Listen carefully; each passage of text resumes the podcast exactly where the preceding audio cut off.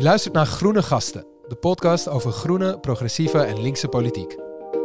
Om de zoveel weken spreken wij denkers en doeners die de wereld een beetje mooier maken.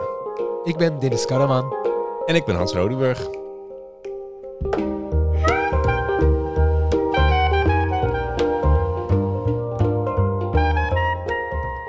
Welkom, beste luisteraars. Eh, we knallen er gewoon gelijk in. We hebben namelijk een hele leuke gast vandaag, eh, Lisa Westerveld. Yes.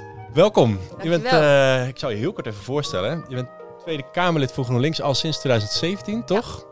Daarvoor eh, gemeenteraadslid en voorzitter van de Studentenvakbond. En eh, we gaan het vandaag met jou hebben over, over de jeugdzorg. Maar Mhm. eerst, het is natuurlijk campagnetijd. Hoe, hoe is dat voor jou op dit moment? Ben je echt het hele land door aan het reizen? Of? Nou, ik ben afgelopen weekend ehm, in de Achterhoek geweest. En heb ik een hele tour gemaakt langs verschillende gemeenten. Dus we hebben gepraat over de bereikbaarheid via het OV. Dat is niet overal heel goed, kan ik jullie eh, zeggen. Een lange tour? Ehm, vrij lange tour. Nee, ook op de fiets bijvoorbeeld, met de bus zijn we gegaan, met de trein natuurlijk. Ik heb ehm, een gesprek gehad over jeugdzorg met een aantal professionals. Was heel interessant. En we hebben ook een gesprek gehad over natuur-inclusieve landbouw. En ik kom zelf uit de Achterhoek. Ik voer niet het woord over dit onderwerp, maar het is dan wel heel goed en heel fijn om met mensen juist daar het gesprek over te voeren. Want er wordt wel eens een valse tegenstelling geschetst, alsof wij tegen de boeren zouden zijn of zo. Dat is gewoon helemaal niet zo. En dat, ja, dat wordt ook weer bevestigd door dit soort gesprekken. Met mensen die laten zien waarom ze het ook graag op een andere manier zouden willen doen.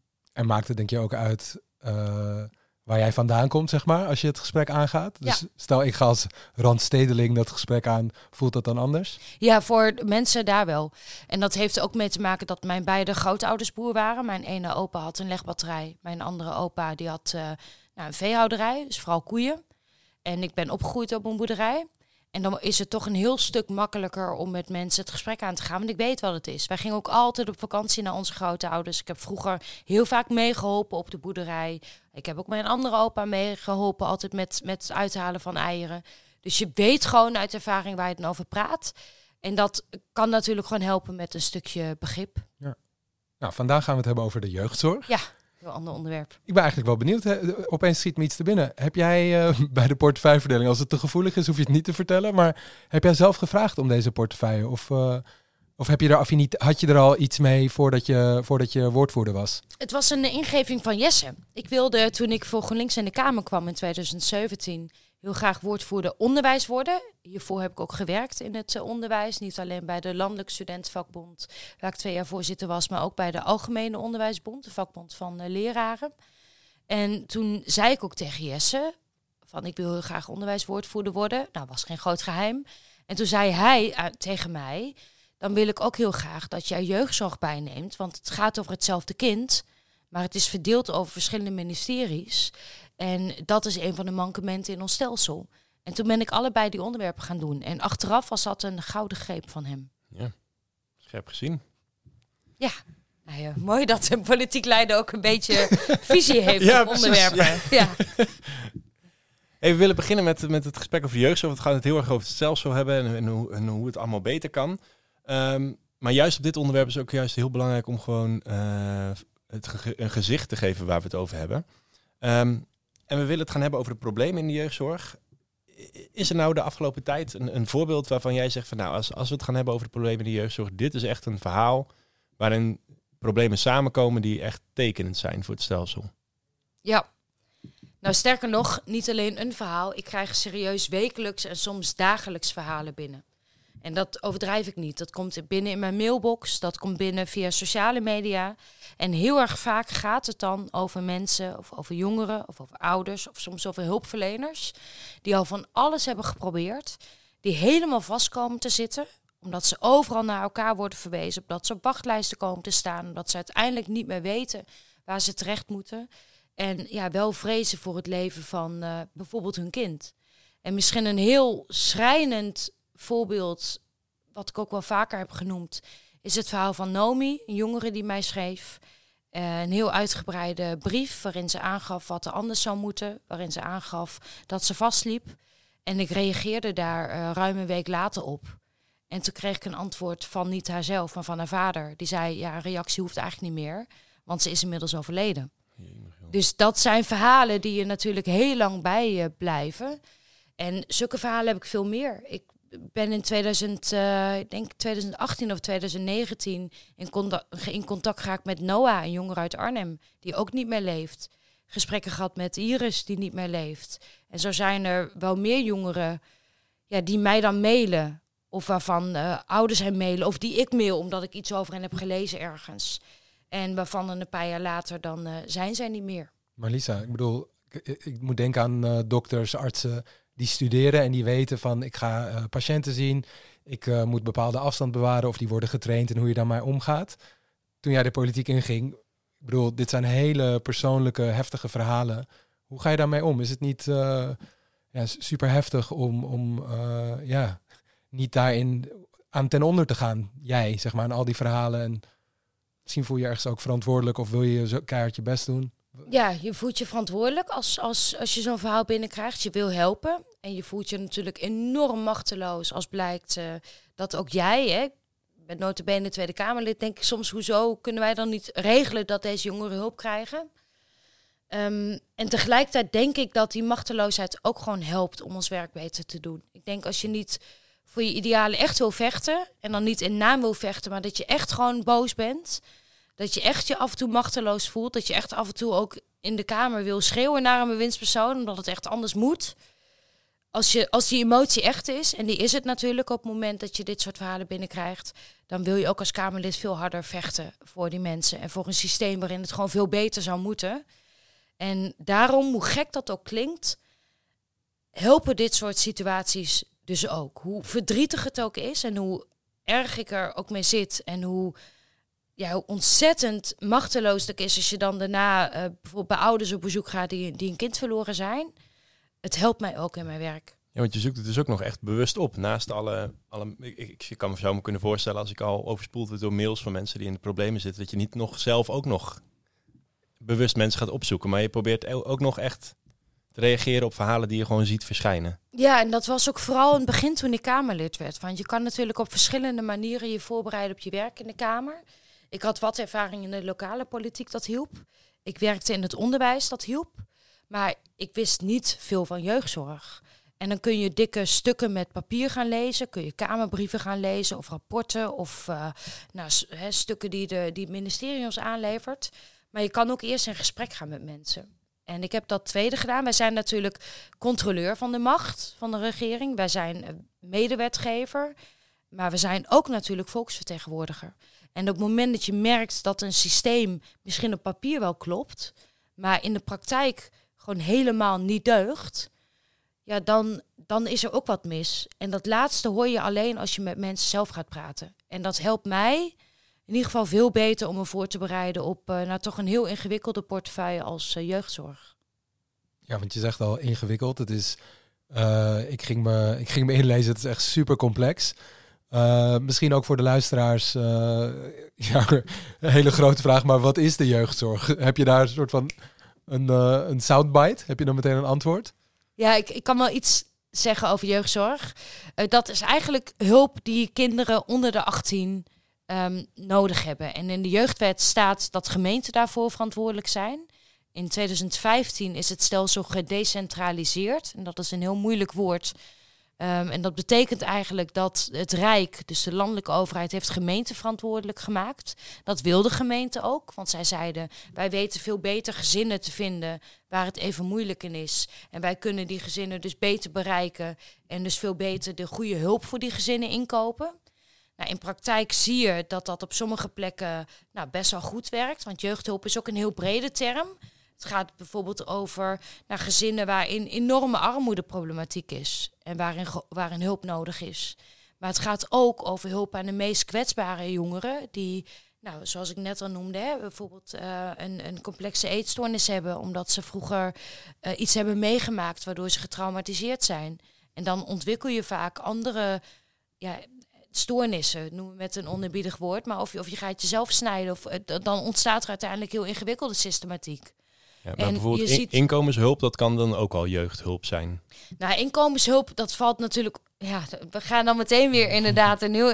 Er zijn Ja, ik probeer een beetje een beeld te krijgen van wat, wat valt allemaal wel onder de Ja. jeugdzorg en wat niet. Ja, er zijn ongelooflijk veel zaken die gemeenten sinds 2015 eh, moeten doen voor eh, nou, inwoners van de gemeente. En inderdaad, de gemeente is verantwoordelijk voor een stukje inkomenshulp. Jeugdhulp is eigenlijk iets, iets anders. Het staat apart in de jeugdwet. Maar de jeugdwet is heel breed. De jeugdwet schrijft eigenlijk dat eh, als het nodig is, ik druk het even mijn eigen taal uit, juridische taal is een stuk moeilijker. Maar de jeugdwet zegt, eigenlijk van gemeenten zijn er verantwoordelijk voor om adequate hulp te bieden aan kinderen, dus onder de 18, als dat nodig is. Ja, dat is natuurlijk ongelooflijk breed.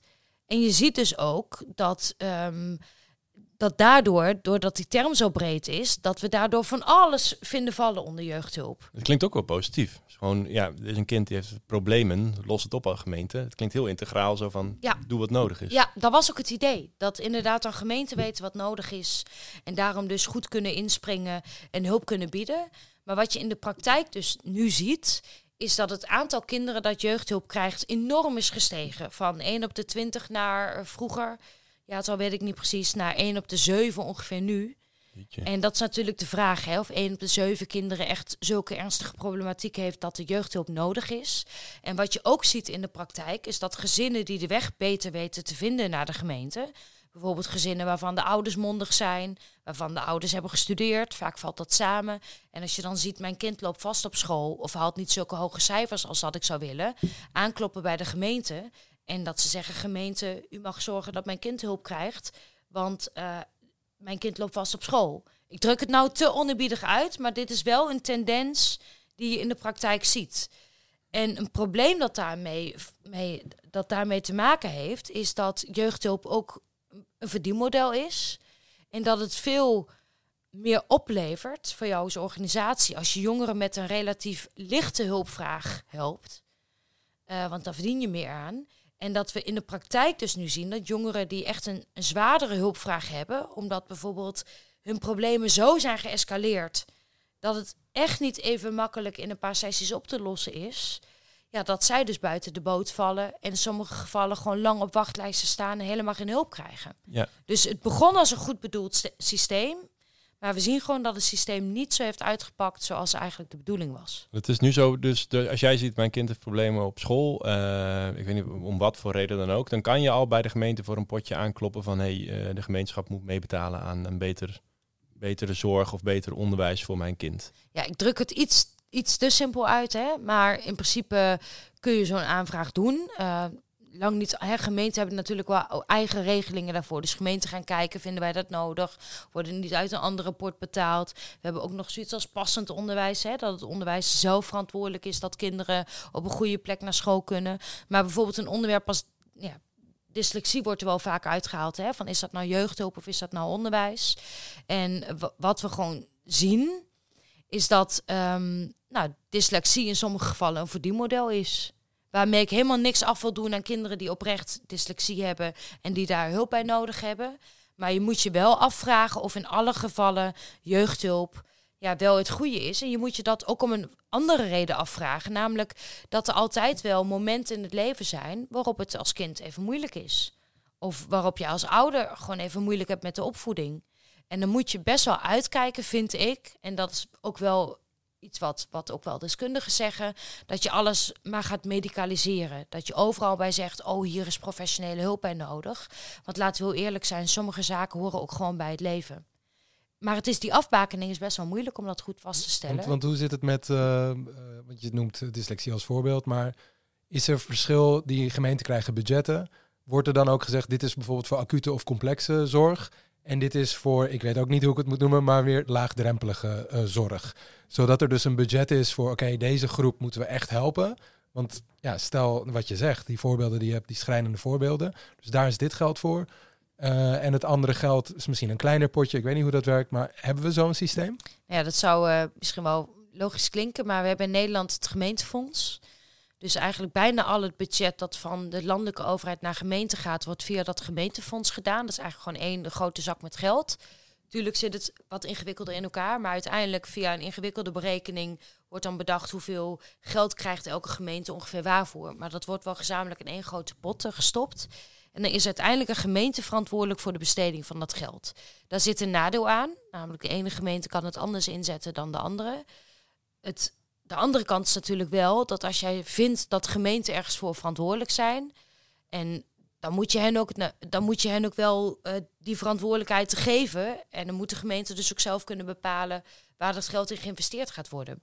Ik vind hem zelf vrij ingewikkeld wel, want ik vind dat jeugdhulp, en eigenlijk, nou ja, dat is gewoon een, een kinderrecht, dat kinderen die echt hulp nodig hebben, dat kunnen krijgen. En je ziet dus ook wel hier dat het per gemeente afhankelijk van is, de manier waarop het wordt ingezet, waar welk budget naartoe gaat. De vraag, heeft de gemeente wel voldoende van specifieke hulp ingekocht? Dus hier hebben we het wel over eigenlijk mensenrechten, kinderrechten, die per gemeente worden bepaald. En waarvan het inderdaad afhankelijk kan zijn van in welke gemeente jij woont, op welke vormen van hulp jij recht hebt. Ja, want door dit stelsel is het eigenlijk vrij letterlijk zo dat, het, eh, dat je als gemeente de, het, het, lokale bierfestival concurreert qua financiering met de jeugdzorg. Ja, en vaak zie je dan dus wel, en dat is waarom gemeenten al jaren in de bel trekken, vaak zie je dus dat gemeenten op andere posten gaan bezuinigen, omdat ze wel vinden dat er genoeg geld naar jeugdhulp moet gaan. Ja. Maar daar is natuurlijk ook altijd wel een discussie over. Want er wordt ook wel eens door gemeenten gedacht van ja, dan moet ik dus bijvoorbeeld een bibliotheek wegbezuinigen. Omdat ik ja, kinderen die vastlopen op school, waarvan misschien de ouders het zelf al kunnen betalen, vanuit mijn gemeentebudget ga financieren. En nogmaals, dit is een iets te platte discussie. Maar dit is natuurlijk wel de vraag waar sommige wethouders voor staan. De andere kant is dat juist die kinderen die een complexe manier, uh, eigenlijk complexe hulp nodig hebben, die duurder zijn, dat, dat heel kleine gemeenten vaak zeggen, ja, daar hebben we het budget eigenlijk niet voor. Hè, want voor een, een plek in een instelling ben je zo meer dan een ton per jaar kwijt. En ik heb wel eens een gemeente gebeld met de vraag waarom een kind um, geen hulp kreeg omdat ik me echt zorgen maakte over dat kind. En ik heb er eigenlijk niks over te zeggen, maar ik wilde er eens achter komen. Hoe kan dat dan? Dus ik heb een wethouder gevraagd, mag ik eens bellen? En ik hoorde letterlijk van deze wethouder uh, dat het een enorme, ja, enorme kostenpost was. En daar schrok ik heel erg van. Dus gelukkig was het geen GroenLinks-wethouder trouwens. Maar ik schrok daar enorm van. Want deze wethouder bevestigde gewoon eigenlijk wat we al wisten. Dat, op, dat ja, dat inderdaad hier, het, gaat om het leven van een kind. Um, maar je wordt gezien als een kostenpost voor de gemeente. En dat kan toch niet zo zijn als we het hebben over jeugdhulp? Ja. Ja, ongelooflijk. Het is gewoon letterlijke woorden, hè? Ja, maar het voelt ook zo raar. Want kijk, eh, het, eh, toen wij het gingen voorbereiden en uh, het hadden jeugdzorg, dat je denkt van oké, elke partij, toch? Elke, elk mens in Nederland wil toch, dit moet goed geregeld zijn. En dan denk je, oké, dus hier gaan we met z'n allen uh, hebben we, willen we dit oplossen? Het loopt nu niet goed. Hoe gaan we dit fixen? En dan hoor je toch weer dingen als soort van, ja, natuurlijk, het gaat vaak over geld. Maar dat je, ja, de twijfel ook, het zou niet van een partij moeten afhangen, toch? Van welke politieke kleur je bent, of de jeugdzorg goed geregeld is of niet. Maar dat is het dus volgens mij wel. Ja, dat is het wel. Um, sommige partijen vinden, zeggen wel, en niemand zal zeggen wij vinden nee. jeugdhulp niet belangrijk. Maar je ziet echt wel heel duidelijk in de, in de praktijk gewoon verschillen ook wel tussen gemeenten. Hoewel elke wethouder die dit in een portefeuille heeft, ik geloof echt niet dat daar verkeerde intenties achter zitten. Maar je moet als gemeente keuzes maken. Um, je ziet het landelijk misschien nog wel meer. Dat een aantal partijen inderdaad niet de prioriteit heeft liggen bij de hulp aan de meest kwetsbare kinderen. En maar telkens ja, zich er dan achter verschuilen dat er te veel kinderen jeugdhulp krijgen. Ja, dat vinden we allemaal. Maar dan moeten we ook met elkaar uh, boter bij de vis doen, leveren. En zorgen dat we daar oplossingen voor hebben. Ja, een belangrijk politiek verschil zit waarschijnlijk ook, je noemde het eerder al, die, die, dat het gewoon een, de jeugdzorg een soort verdienmodel is geworden. Ja. Uh, belangrijk verschil zit dan natuurlijk op de marktwerking. Kan je uitleggen hoe marktwerking in de jeugdzorg precies werkt? het klinkt heel onwerkelijk dat mensen dus echt geld verdienen aan zorg voor kinderen. Um, het zal waarschijnlijk ook weer een ander soort marktwerking zijn dan in de normale of in de reguliere volwassenzorg. Hoe, hoe werkt dat precies? Kan, kan je winst maken in de jeugdzorg echt? Ja. Um, en ook hier weer, marktwerking in elke tak van zorg werkt heel erg anders natuurlijk.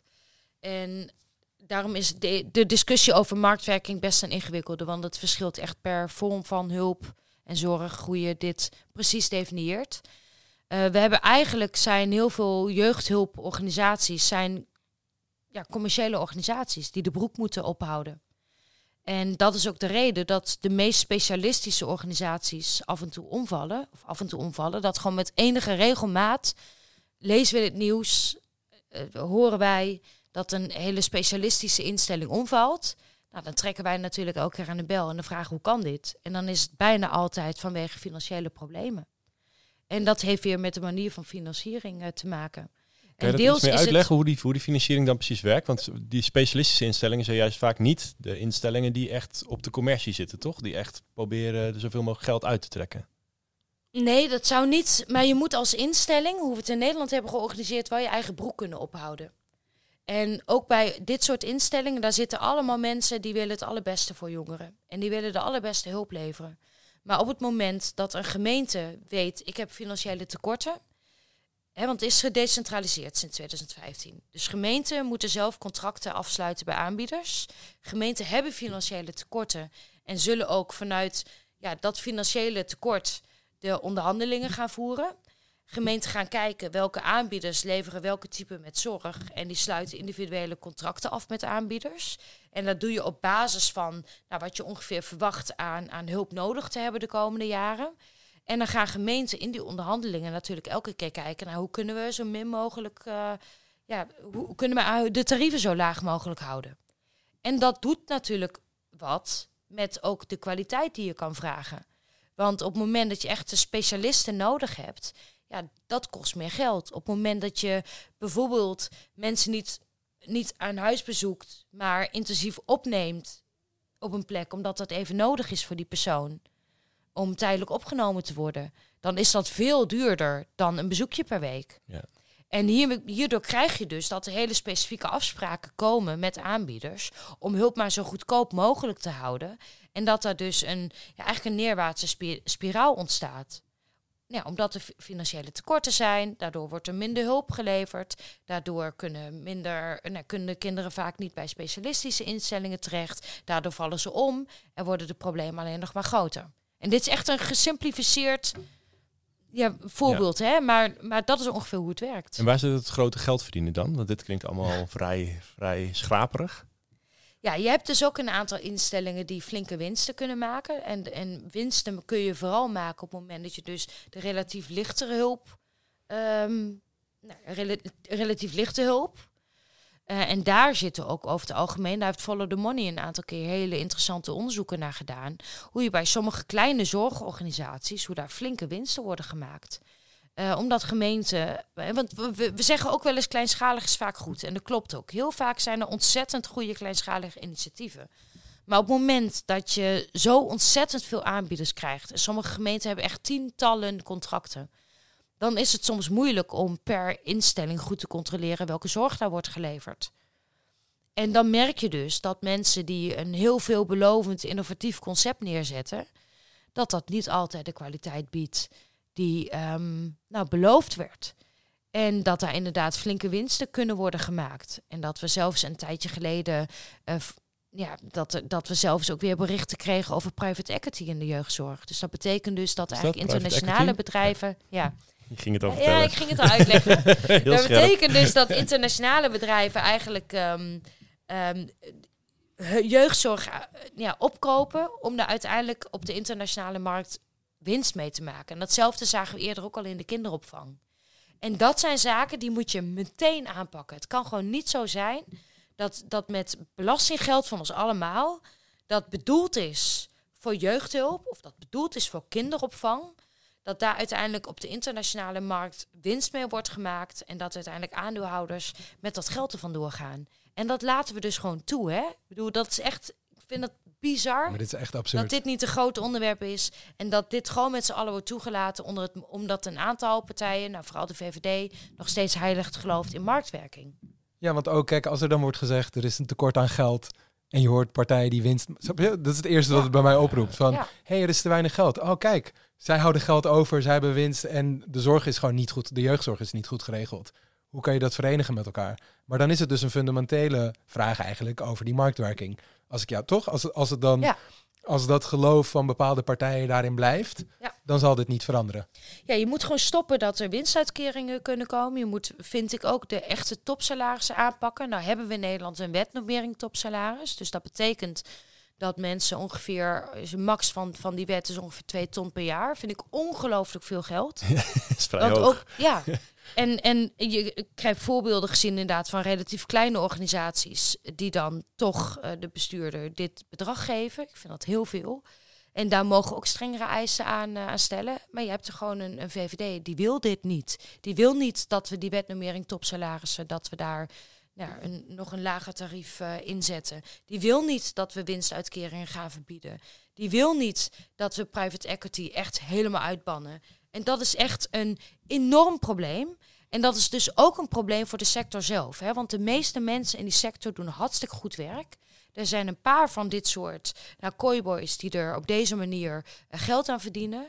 Nou, je merkt dus wel dat die het ook voor de rest van de sector gaan verpesten. En ja, we hebben een politieke partij die daar niks aan wil doen. En die ook nog eens de andere drie coalitiepartijen nou ook nog eens elke keer op het hart drukt om niet in te stemmen met voorbeelden van ons. Om daar toch eh paal en perk aan te stellen. En daardoor houden we dus dit stelsel waarvan wij met elkaar zeggen dat we dit niet willen. Waarvan volgens mij het merendeel in Nederland zegt dit moeten we niet willen. Nou wordt toch op deze manier in stand gehouden. Ja, ongelooflijk. Ja, zeker.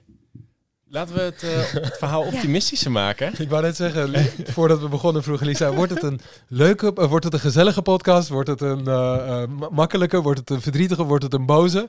Ik heb alles al gevoeld in Ja, deze... ja, zeker. Jullie introduceerden me als leuke gast, hè? Toen dacht ik, oh, ik hoop niet dat luisteraars daar nu spijt van Little hebben. Oh, leuk gesprek. Nee, dan- wat je zei, soms is het goed om boos te worden. Ja, ik, eh, ik zit hier echt bijna te trillen op mijn stoel, dus ja. Maar ja. Ik denk serieus hoor, dat als je echt boos bent, mensen merken dat ook wel. Als je daar in die plenaire zaal een beetje staat te doen alsof je boos bent. Ja, Ja. Nee, dat schiet helemaal niet op. Maar als je echt boos bent, en dat ben ik over een aantal van deze onderwerpen, dan, dan voelen, ja, dan word je zelf gewoon beter in je vak. Dan, maar dan voelen mensen dat, die kijken ook wel. En heel vaak wordt die boosheid ook wel met ons meegevoeld, merk ik aan de reacties op dit onderwerp. Ja, zeker. Zeker.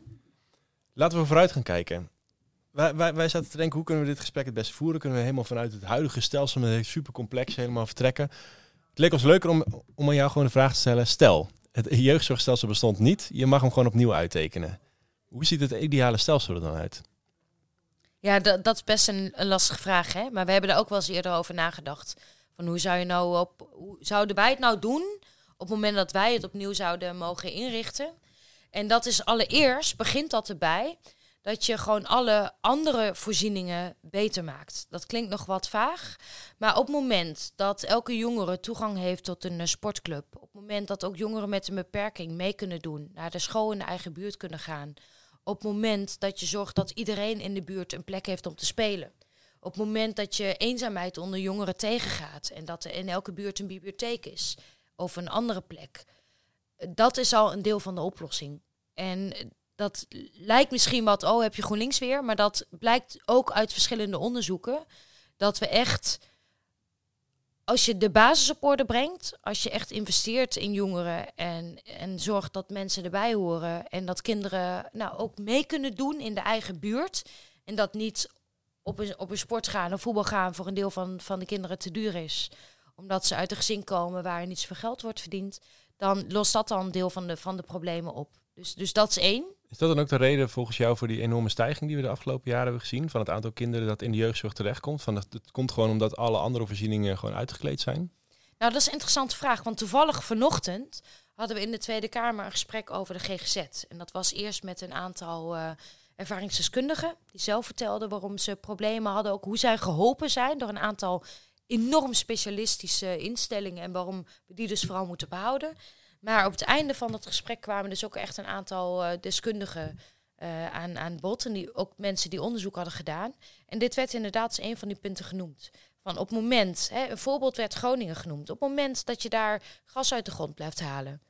En, eh, en zorgt dat en, dan, en, en stress veroorzaakt bij mensen. En aan de andere kant gaat er, ik meen, 50 miljoen naartoe om psychische hulp te verlenen. Waar zijn we dan mee bezig? Vroeg een van die mensen zich af. Ja, dat is natuurlijk echt de vraag waar het om draait. Je, je brokkelt je allerlei voorzieningen af. Heel veel mensen kunnen niet meer meedoen met de samenleving. En vervolgens eh, wijzen we naar jeugdzorg en GGZ. Van, van, ga het maar oplossen. Dat is natuurlijk wel echt het... In de, in de, in de fundamenten is, gaat, gaan die dingen fout. We hebben het ook nog even gehad over de coronacrisis. Want die heeft inderdaad, ehm, nou hoor je wel eens een aantal problemen verergerd. Wat deze onderzoekers zeiden was eigenlijk zie je die problemen al, maar zijn ze er soms wel door de coronacrisis naar boven gekomen. Hè, bijvoorbeeld is eetstoornissen. Dat ehm, nou, als sociale controle verdwijnt, omdat bijvoorbeeld nou, mensen niet meer school, kinderen niet meer naar school gaan en niemand meer op een let, dan kan zoiets er wel makkelijker uitkomen. Hè. Eet, een eetstoornis is vaak een symptoom van iets, niet een, niet een oorzaak.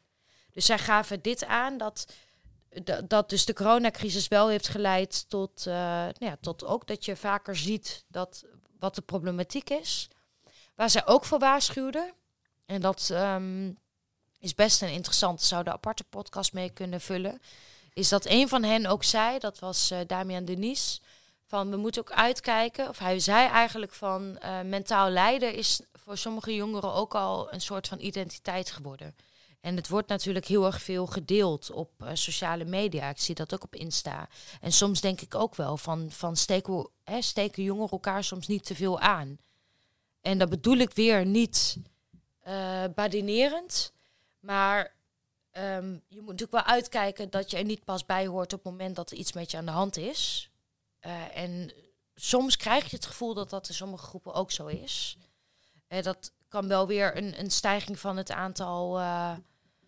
Nou, dat kan een deel van de stijging veroorzaken. Van in ieder geval jongeren die beroep doet op, op, op jeugdhulp. En dat gaat dus weer ten koste van diegenen die echt gewoon enorm zijn vastgelopen omdat ze een enorm groot onderliggend probleem hebben, waar gewoon echte professionele hulp bij nodig is. En ja, ik ga bijna cynisch worden, want je hebt het over online, zeg maar, het delen en zo. En uh, mensen die weerbaar, jongeren die, die wordt ook gezegd, weerbaarder worden. Ja. Uh, wat jij ook aan het begin zei, uh, weet je, onze samenleving, hoe is die ingericht? En soms hoort, ja, soms gebeurde er gewoon, ik noem het even fucked up shit in je leven. En Ja. daar, daar leren mee omgaan.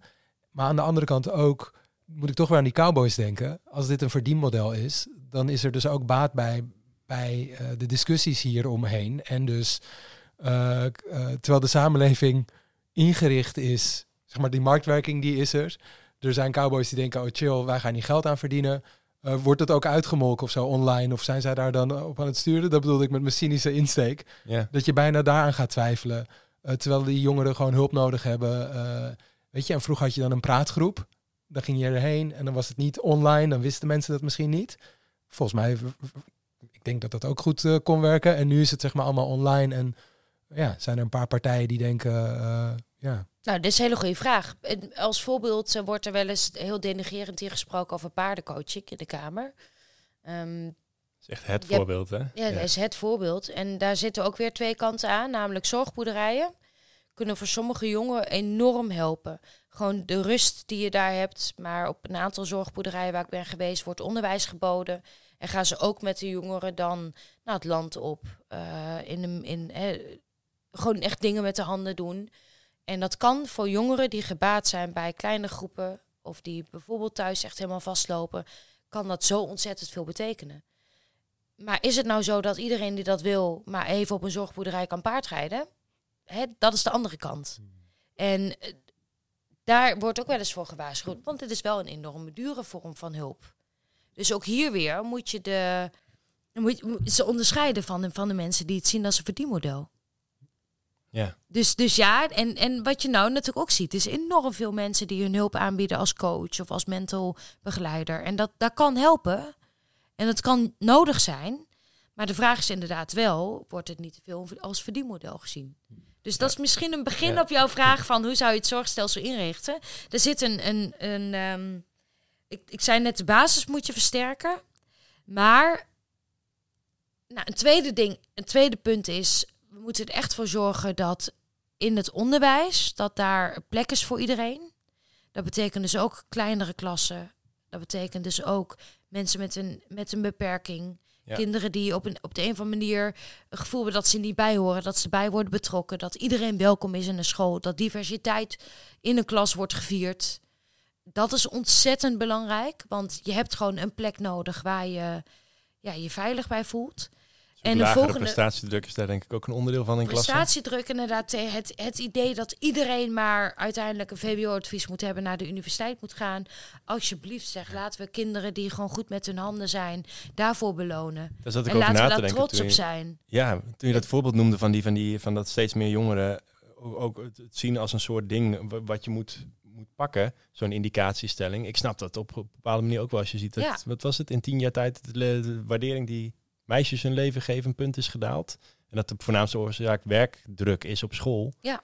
Snap ik wel dat je ADHD gediagnosticeerd wil krijgen. En, en tegelijkertijd kunnen eh, kinderen steeds minder goed lezen en schrijven bijvoorbeeld. Hè? Dus het is ook niet goed, ook niet, hoe we met, met kinderen omgaan. Maar het is ook heel zorgwekkend, want je ziet bijvoorbeeld dat het aantal mensen dat naar de universiteit gaat, Nederlandse jongeren, is echt, nou, is, is, is inmiddels, eh, ik geloof, drie keer over de kop gegaan sinds de tijd dat ik studeerde.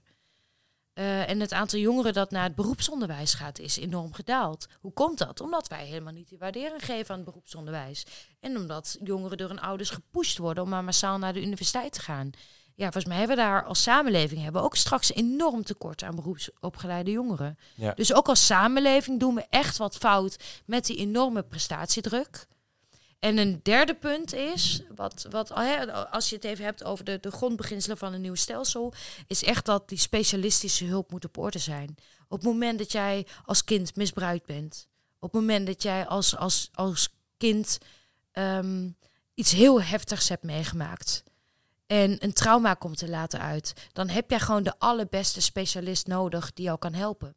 En we hebben dat in Nederland op het gebied van medische zorg wel geregeld. Als je een kanker hebt of zo, kun je naar het Prinses Maxima Centrum. De allerbeste specialisten uit het hele land helpen je daar. En op het moment dat jij nou, mentaal echt, eh, nou, echt gewoon dik in de knoop zit en je hebt enorme psychische problemen, dan ehm, ja, moet je eigenlijk geluk hebben. Hangt het vanaf in welke gemeente je woont. Ja, want die, die allerbeste specialistische hulp, hoe ga je dan in het nieuwe stelsel wel garanderen dat die, die kinderen dus echt vooraan staan en niet alsnog weer ondersneeuwen in, het, in de totale hulpvraag? Ja, dan heb je dus ook een andere manier van financiering eh, nodig, met minder marktwerking. En dan moeten we dus als Nederland ook zeggen, en dat kan als we dat willen, van wij vinden dit zo belangrijk dat deze jongeren de hulp krijgen die nodig is. Daar gaan we financiering voor uittrekken. En dat gaan we dus regelen door bijvoorbeeld een aantal landelijke centra, centra op te richten. En dat kan als we dat maar met z'n allen willen in, in, ja, in de politiek. Ja. Als je het helemaal opnieuw inricht, kan je dan niet gewoon de hele jeugdzorg van de markt halen? Nou ja, ik, ik ben daar een heel groot voorstander van, van. En ik zeg helemaal niet dat alle vormen van jeugdhulp terug moeten bij. of, sorry. Ik zeg niet dat alle vormen van jeugdhulp weg moeten bij gemeenten. Want inderdaad, een gemeente weet veel beter gezinnen waar bijvoorbeeld armoedeproblematiek is. En de gemeente weet veel beter wijken te vinden waar de voorzieningen niet op orde zijn en kan daar in die wijk echt betekenisvol werk doen. Maar op een gegeven moment moet je wel nadenken of gemeenten nog nou, bijvoorbeeld als het gaat over hele complexe hulp, of gemeenten er wel voldoende op voorbereid zijn. Of er wel voldoende kennis is bij gemeenten. Of er wel voldoende financiering is. Helemaal bij kleine gemeenten. Dus je moet ergens die knip maken. Zeg ik al langer trouwens. Vinden heel veel, vooral kleinere gemeenten trouwens ook. En dat kun je dus gewoon landelijk regelen als je dat maar wil. Ik hoorde, eh, je zei eh, ik vind. En toen dacht ik, oh lekker, ik vind. Ik wil, eh, we, hebben, we hebben een standaard Ja. vraag. Dat is de ministersvraag. Stel jij, nou stel, het kabinet valt. De coalitie klapt. Er zijn verkiezingen en links doet het gigantisch goed. En jij wordt minister jeugdzorg. Wat zijn de eerste drie dingen die je gaat doen? De eerste is eh, wat ik zou doen, is de toekomstige bezuiniging van 500 miljoen op jeugdzorg schrappen. Want er zijn al plannen om de jeugdzorg te hervormen. Dat moet een miljard opleveren. Maar daarbovenop heeft de afgelopen coalitie, deze coalitie, heeft ook nog besloten, we gaan 500 miljoen bezuinigen. Per wanneer? Ja, per vier- 2024 moet het eerst zo ingaan. Maar er staat ook nog een andere bezuiniging op de plank. Dus het is een heel ingewikkeld financieel verhaal. Maar het is heel bizar dat deze coalitie heeft besloten om 500 miljoen extra te gaan bezuinigen. bovenop de ja, plannen die er al zijn. En als ik dan vraag aan VVD, aan CDA, aan ChristenUnie of aan D66, hoe gaan jullie dit doen? Wie heeft dit bedacht? Wanneer is het op tafel gekomen? Geef ze allemaal niet thuis. Maar even Dus- om een beeld vormen, hoe, hoe groot is de pot voor jeugdzorg? Ja, dat is, dat is niet zo makkelijk vast te stellen hoe groot die pot is, omdat dat dus weer via het gemeentefonds gaat. Oh ja, dat is Maar gewoon... los- Ja, Los van hoe groot de pot is, er is geld. Er wordt gezegd er is geld eh, te weinig op dit moment voor het stelsel al. We gaan nog eens een half miljard, zei je, erbij bezuinigen. Waanzinnig veel ook. ja Eh, dit, dit is dus wel weer ook een iets best wel een Complex. complexere vraag, want er is een gemeente hebben inderdaad geldtekort. Ja. Ehm, terwijl de, de financiering in 2015 is het stelsel met een bezuiniging van 450 miljoen naar gemeente gegaan. Nou, toen kwamen gemeenten natuurlijk ook massaal eh, in ze ja. financiële tekorten, want je voert een nieuw stelsel in en je gaat bezuinigen. Had nooit moeten gebeuren.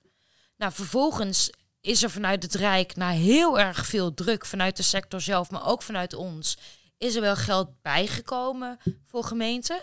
Maar intussen is die vraag dus ook gestegen. Dus gemeenten hebben nog steeds enorme financiële tekorten. Nou vindt eigenlijk iedereen wel dat die hele stijging van de vraag, dat daar wat aan zou moeten gebeuren. Daar is zijn afspraken over gemaakt, in ieder geval om dat te gaan regelen. Dat heet de hervormingsagenda. En dat is eigenlijk een hele lange onderhandeling die nog steeds loopt tussen de landelijke overheid, de gemeente, maar ook de sector zelf. Eh, om, er, om straks echt een set met afspraken te maken. Maar nou, hoe perken wij de jeugdzorg nou in? Hoe gaan we het beter organiseren? Het idee is dat er nu op korte termijn in wordt geïnvesteerd. En dat het op, op langere termijn een miljard ongeveer oplevert. Want op het moment dat jij een beter stelsel hebt en de instroom is minder, dan bespaart dat. Ja. Dat is het idee. Met zijn boek hem alvast in. Precies. Het probleem is nu, we zouden 1 januari 2022, dat is dus een jaar geleden, zouden wij die hervormingsagenda hebben. Nou, het is nu bijna maart 2023 eh, en we hebben hem nog steeds niet. Dus dat is echt, dat, dat, en in de, intussen staat die bezuiniging al wel ingeboekt. Komt daar een extra bezuiniging bovenop. Ja. Dus, dat, ja, dus dat, dat moet gewoon meteen van tafel. Dat is echt heel duidelijk. Deze dus dat, energie, dat is dit, één. is- dit is punt 1. Ja, punt Dat 1 is, één. we veranderen Makkelijk niks. uitgelegd. Punt 2. Punt twee, wat ik echt zou willen, is dat de minister ook eens met de vuist op tafel gaat slaan. Dat ben jij, nu, hè? Jij mag met de dat vuist. dat ben ik dan. Dat- met die vuist op Met tafel. de thuis- vuist op tafel slaan. Nou, en we gaan een aantal zaken die vanuit de sector al heel lang worden gezegd, gaan we gewoon regelen. Dus bijvoorbeeld minder bureaucratie, vindt iedereen. Maar het wordt met telkens niet aangepakt. Dus dat, dat moet gewoon geregeld worden. Door professionals veel meer zeggenschap te geven over het eigen werk. Eh, de inspraak van jongeren. Dat zou. Dat, doe vraag aan mensen die zelf jeugdhulp hebben gehad. Ervaringsdeskundige jongeren. Wat moet er beter? En zij hebben ontzettend veel goede punten. Nou, laten we dat meenemen. Dus dat zou een heel stuk beter moeten. moeten. Ja, en punt drie is toch echt zorgen dat je eh, nou, ook dus dat stelsel echt aanpakt. Dus ook, we, we gaan het een stuk versimpelen. We hebben het stelsel zo ontzettend ingewikkeld gemaakt dat het in deze podcast van 45 minuten gewoon niet mogelijk is om buiten het, het helemaal te versimpelen en helemaal plat te slaan, een beetje te vertellen wat er aan de hand is. En nou zit ik in de Tweede Kamer al vijf jaar en ben ik hier dagelijks mee bezig. Maar moet je eens nagaan voor jeugdhulpverleners, voor ouders, voor jongeren zelf. Die natuurlijk vaak helemaal geen idee hebben waar ze naartoe moeten, hoe het stelsel in elkaar zit, uit welk potje wat gehaald moet worden. Er gaat zo ongelooflijk veel tijd, energie, geld, bureaucratie in zitten, omdat dat stelsel zo ingewikkeld is geworden. En ook dat kunnen we veranderen, als ze maar willen. Want uiteindelijk is natuurlijk wel een, een vraag. Ja, daarom zei ik ook slaan met de vuist op tafel. Uiteindelijk gaan wij daar hier over. En is er, is er gewoon politieke lef van nodig om te zien waar zitten nou de problemen in het stelsel en hoe gaan we dat nou aanpakken. En het makkelijkste is alles vooruitschuiven.